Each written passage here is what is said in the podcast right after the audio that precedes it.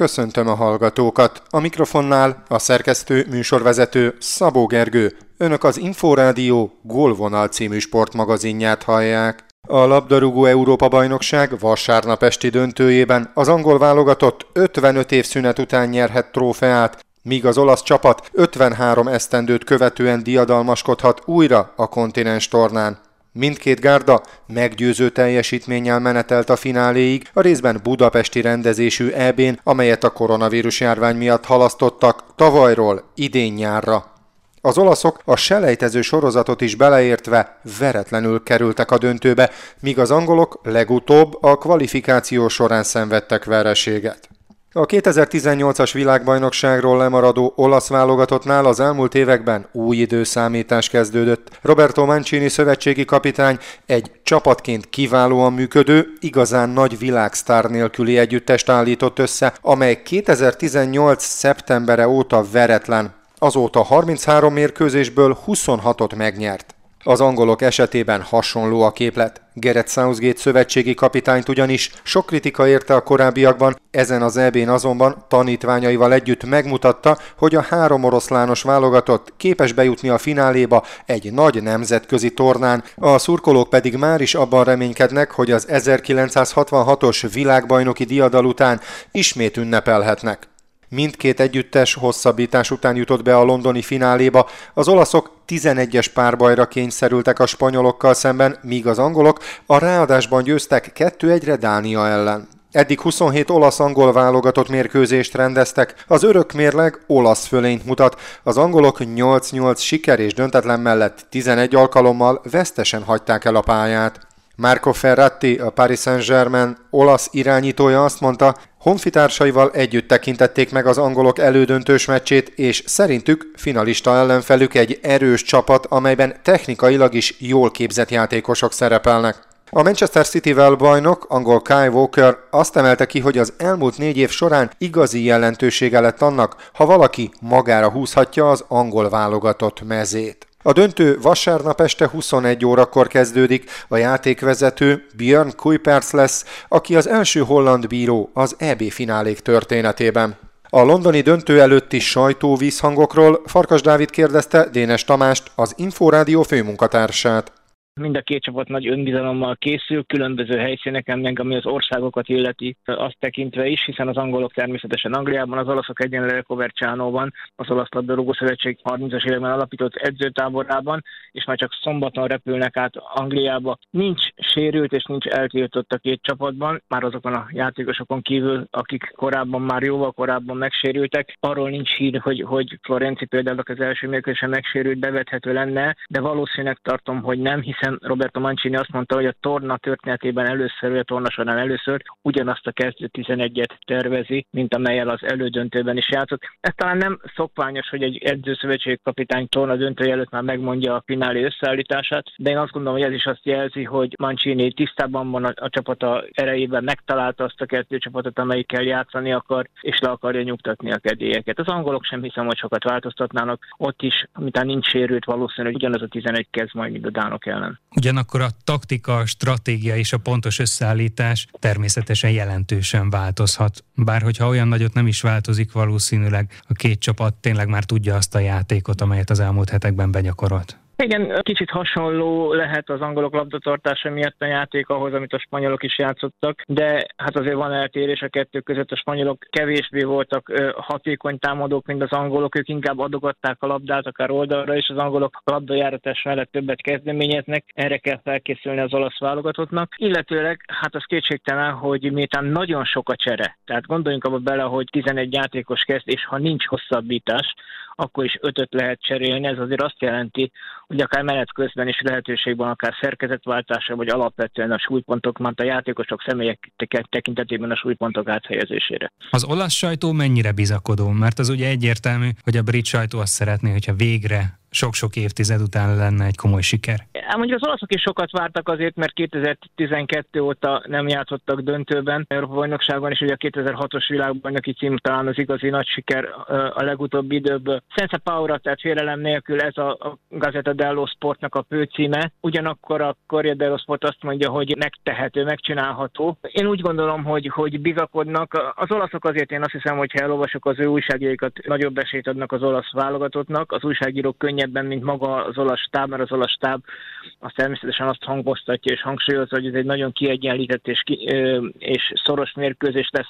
Megszólalnak, azok az edzők is, akik hosszabb ideig dolgoztak, olasz edzők az angol futballban. Fabio Capello, aki egy nagyon híres gólt lőtt a Wembley-ben, elmondta a véleményét, természetesen az olaszok szempontjából, illetve Antonio Conte, a legutóbbi bajnokcsapat az Intermester, aki a Chelsea-vel érte a sikereket Angliában. Ő is megpróbálta felvázolni azt, hogy megítélése szerint hol lehetnek gyengébb pontjai az angoloknak, hol tudják őket az olaszok megfogni. Úgyhogy én azt hiszem, hogy ha a kérdésre röviden válaszolnak, akkor szerintem, hogy Olaszország győzelemre készül.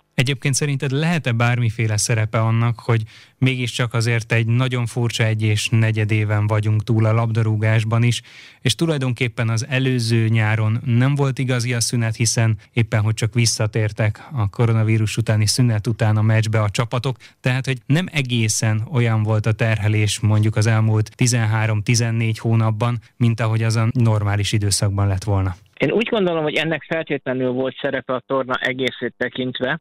Néhány nagy sztár, akikől azt vártuk, hogy a torna nagy csillaga adott esetben gól király esélyese lesz, az gyengébben teljesített annál, mint amire számítani lehetett. Ugye az angol sajtó Bruno Fernandes emlegette, a francia Kylian Mbappét, és hát lehetne még sorolni nyilván a neveket. Lewandowski sem lehet azért elégedett ezzel az elvével. Lewandowski sem, Lewandowski sem lehet elégedett, de hát ő mégiscsak az utolsó mérkőzésükön jól játszott, egy picit javított a képen, meg hát Lewandowski-nak ugye a nagy tornák elég rossz a mérlege.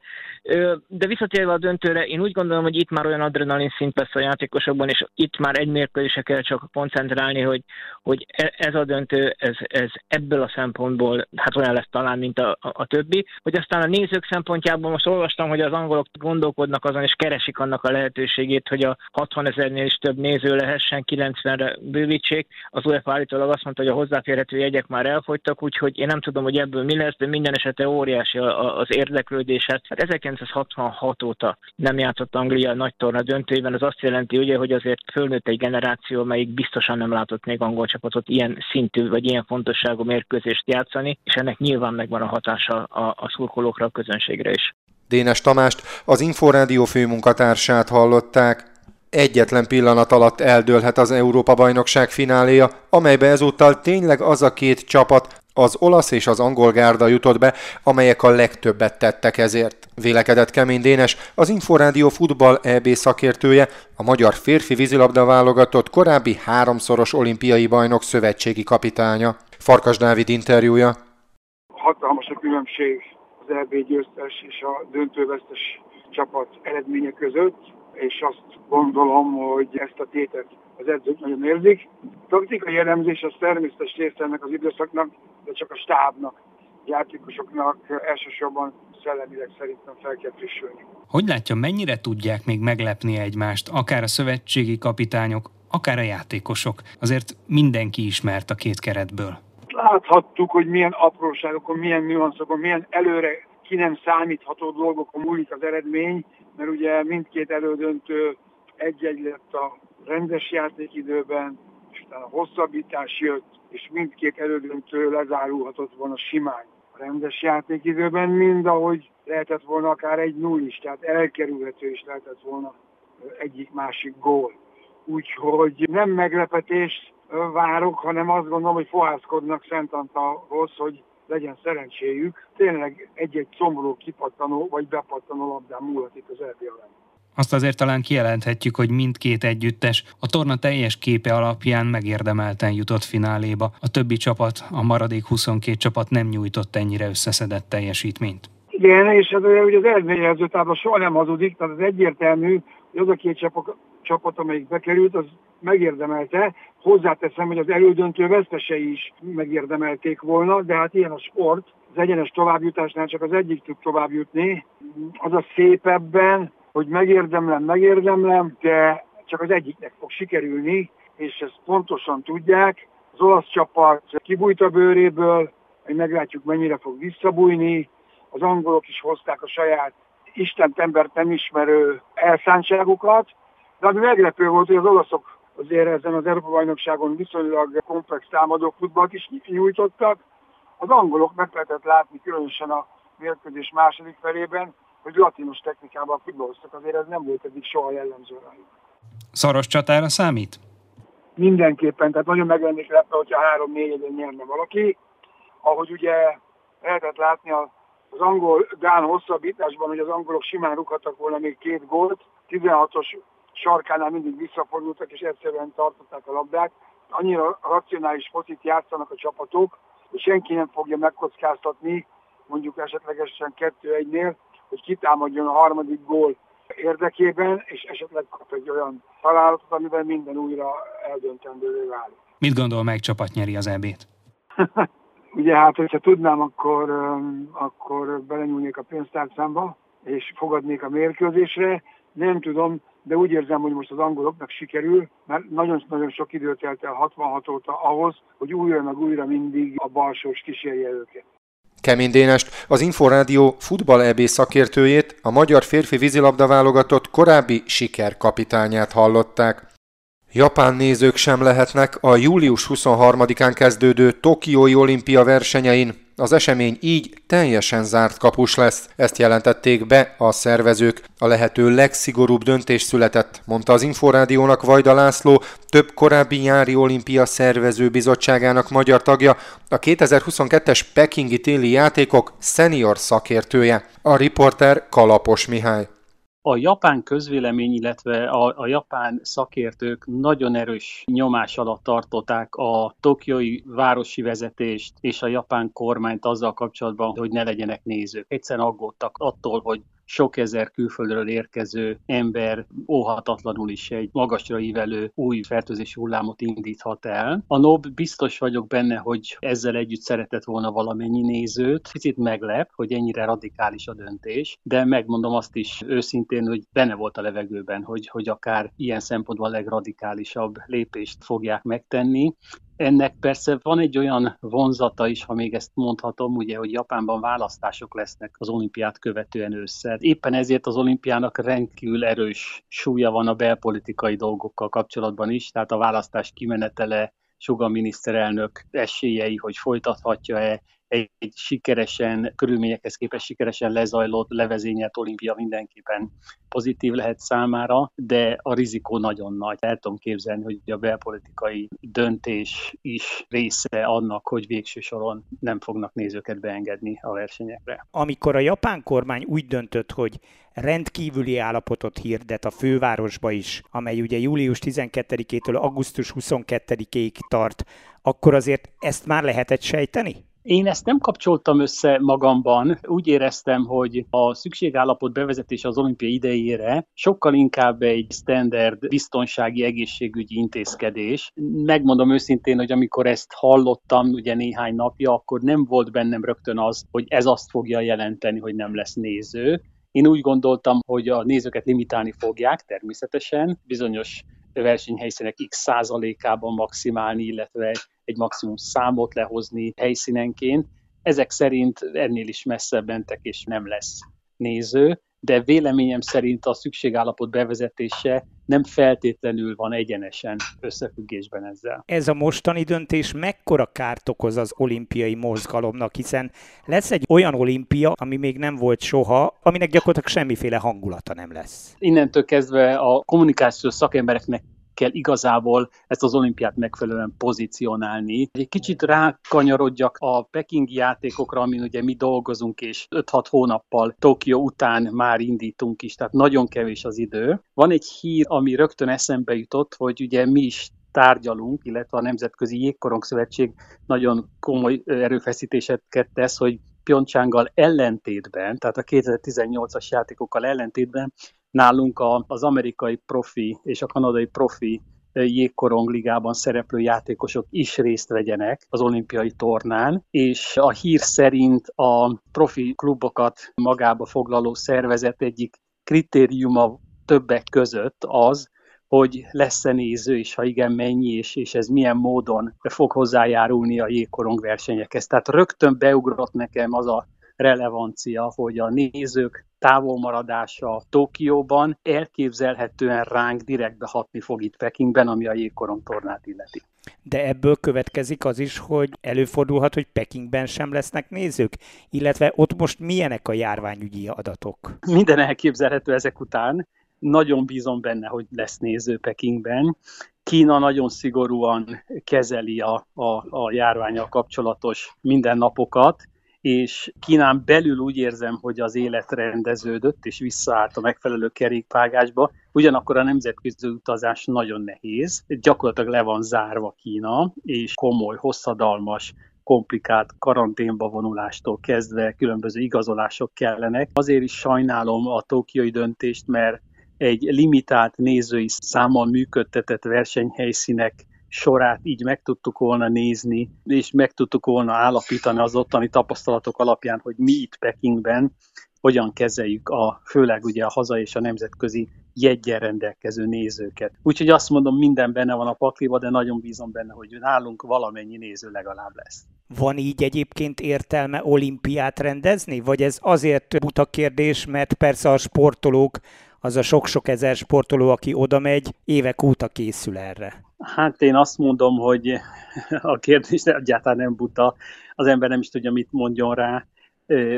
Ugye az embernek van józan esze, illetve vannak az érzelmei. Bele sem merek gondolni abba, hogy mi lett volna, ha az olimpiát halasztják a sportolói szempontból. Mármint, hogyha újra halasztják. Vagy esetleg törlik, mert egy teljes generáció, ugye 28 nyári sportágban lefedve a sportágak nagy részét, gyakorlatilag egy teljes generáció esne el attól, hogy olimpián megmérettethesse magát. A kommunikációs szakembereknek azért ez egy nagyon izgalmas feladat, hogy ezt hogyan lehet úgy pozícionálni, hogy végső soron a reménysugártól kezdve az emberi kitartásig, az összefogáson át millió olyan gondolat és, és üzenet lehet azért itt nagyon erősen hangsúlyos, ami mégiscsak ez az olimpiát nem kudarcként, hanem sokkal inkább egy pozitív fénybe beállított eseményként tudja kezelni. Vajda Lászlót, több korábbi nyári olimpia szervezőbizottságának magyar tagját, a 2022-es pekingi téli játékok szenior szakértőjét hallották. Több számban is megdőltek a versenyrekordok a Gyulai István Memoriál atlétikai magyar nagydíjon. Farkas Dávid kérdezte Dajcs Pétert, a Székesfehérvári Rendezvény Szervező Bizottságának elnökét. Valami olyasmit értünk el a versenyen, ami egészen elképzelhetetlen volt. A Gyulai István Memoriál atlétikai magyar nagydíj egy olyan szintet lépett, amivel most úgy látjuk, hogy történelmet írva olyan kategóriába kerültünk be, ami talán megismételhető, mindent meg fogunk tenni annak érdekében, hogy ennél jobb eredményt érünk el, de az biztos, hogy korszakos. Kivételesen ragaszkodunk évek óta ez az időponthoz, amikor is július első hetében a Gyémánt Liga sorozatba ékelődve rendezzük meg a Gyula István Memoriált. Idén is három Gyémánt Liga, kettő előttünk, egy mögöttünk logikában szerveztük az eseményt. Oszló, Stockholm, Gyémánt Liga viadal után érkeztek hozzánk a versenyzők, innen mennek tovább a jövő elején rendezendő Monaco Gyémánt Liga versenyre. Én azt gondolom, hogy ezek az utolsó lehetőségek az olimpiára kikerülőknek, hogy a versenyzéssel még javítsanak a formájukon, illetve az olimpiáról lemaradóknak megnyílt már a kvalifikációs lehetőség a 2022-es világbajnokság. Nekik itt van a lehetőség, hogy ezeken a versenyeken olyan eredményt produkáljanak, amelyel indulók lesznek, biztos indulók lesznek a 2022-es világbajnokságon. A magyarok közül Halász Bence is ezzel már hétfőn. Halász Bence teljesítménye az egészen csodálatos. Megindult azon az úton, amit ő az elmúlt hetekben már nagyon várt magától. Mi azt gondoljuk, hogy mind a teljesítménye, büszkék vagyunk arra, hogy ezt az atlétikai magyar nagyidőn érte el, ezzel kvalifikálta magát a 2022-es világbajnokságra, mi úgy látjuk, hogy a formája is abban az irányba halad, hogy nagyon pozitív meglepetést okozhat a magyar atléta barátok, szeretőknek a Tókiai olimpiai játékokon. A többi magyar indulók közül kitemelnek ki a mostani Gyula István memoriáról? Vannak, akik beleszeretnek, úgy látjuk a Gyula István memoriálban a magyar versenyzők közül. Kozák Lutta ismét csodálatos futással, ő érte el a magyar versenyzők közül, a hölgyek közül a legjobb eredményt. Én azt gondolom, hogy aki látva a mezőnyöket, illetve látva azt az eredményt, amit elértünk a, a versenyek rangsorába, az már egy óriási lehetőség, egy óriási presztis, ha valaki magyar versenyzőként indulni tud a viadalon. Nagyon-nagyon szeretik a magyar versenyzők, hozzáteszem a külföldiek is. Ennek megfelelően én én azt látom, azt érzékelem, hogy ez kifejezetten pozitívan befolyásolja a teljesítményüket. Dajcs Pétert, a Gyula István Memoriál Atlétikai Magyar Nagydíj szervezőbizottságának elnökét hallották. 42 mozgásformában 1200 edzés videót és 200 szakmai kiadványt tett elérhetővé ingyenesen a Magyar Szabadidősport Szövetség a legújabb programján keresztül. Ezzel Magyarország legnagyobb online mozgástartalombázisát hozta létre a szervezet, mondta az Inforádiónak Cene Attila, a Magyar Szabadidősport Szövetség elnöke. Virányi Zsolt interjúja. Play elnevezés, ez onnan jött, hogy a játszva mozog, vagy mozog és játsz tulajdonképpen, hiszen ez kóra nemre való tekintet nélkül minden korosztályt és a családokat szerettük volna megszólítani a saját otthonukban, és elvinni a saját otthonukba azt a lehetőséget, hogy egy picit ebben az időszakban is, ami egy picit nehezebb időszak, és nem tudtunk kinti sportokat szervezni, rendezni eseményeket, eseménysorozatokat, akkor is meglegyen a lehetőségük arra, hogy sokkal több mozgásformában, esetleg amit eddig ismertek, megismerhessék szakemberek által, hogy hogyan hogyan is kell ezeket csinálni, és milyen rendszerességgel illik sportolni, hetente többször is, hiszen magának a szövetségnek a krédója vagy a célja az, hogy minél többen minél rendszeresebben sportoljanak és mozogjanak. Kinek a segítségével sikerült ezt most megvalósítani, hiszen a 42 mozgásforma, az 1200 edzési videó és a 200 szakmai kiadvány elérhetővé vált, méghozzá ingyenesen, de hát ez egy hatalmas mennyiség. A támogatást az Emberi Erőforrások Minisztériumának egészségügyi államtitkárságától kaptuk, és azért jó,